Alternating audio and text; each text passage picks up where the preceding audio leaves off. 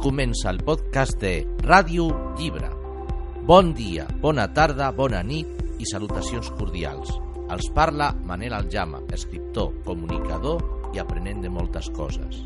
Amant del cinema en versió original que a l'escola gaudia fent redaccions i el seu primer llibre va ser Un regal de la tieta.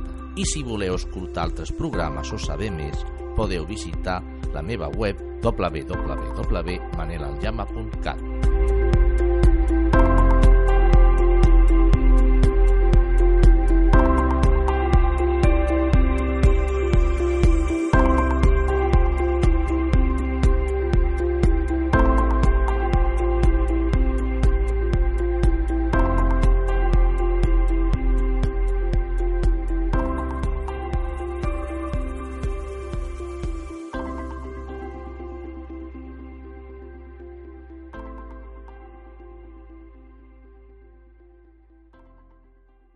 Des del fons de la biblioteca m'arribava una veu.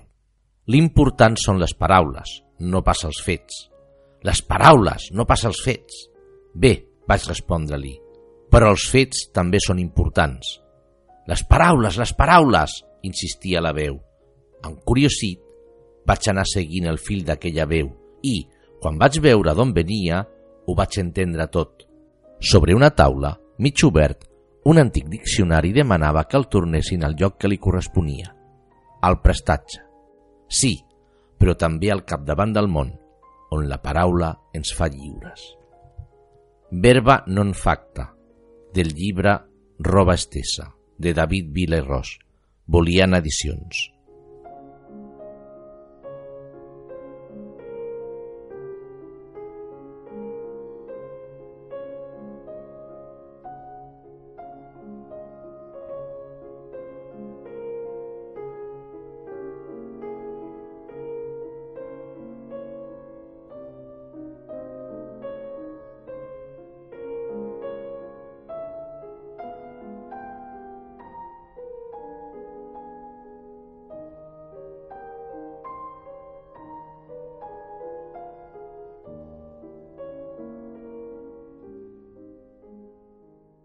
This dance.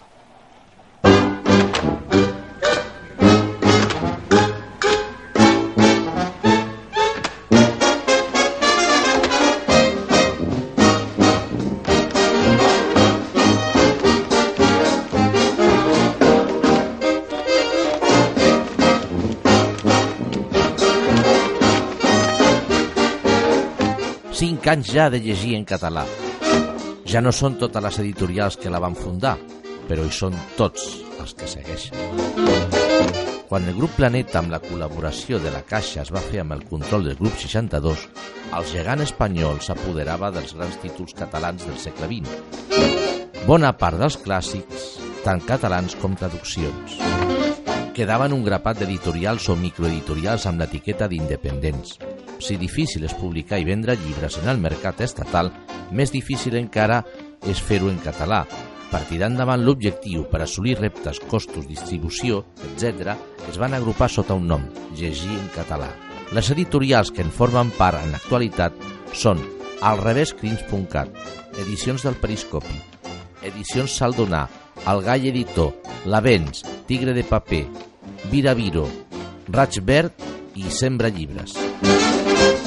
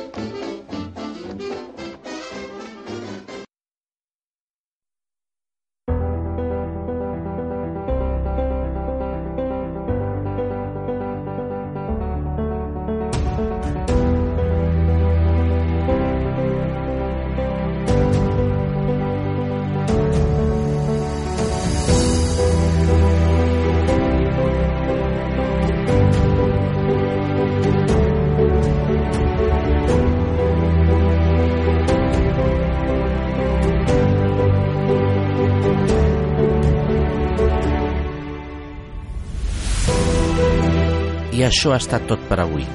Si us ha agradat, podeu fer clic en el m'agrada i si voleu fer algun comentari, podeu fer servir l'apartat de comentaris d'aquest canal. També podeu enviar un correu electrònic a manel at.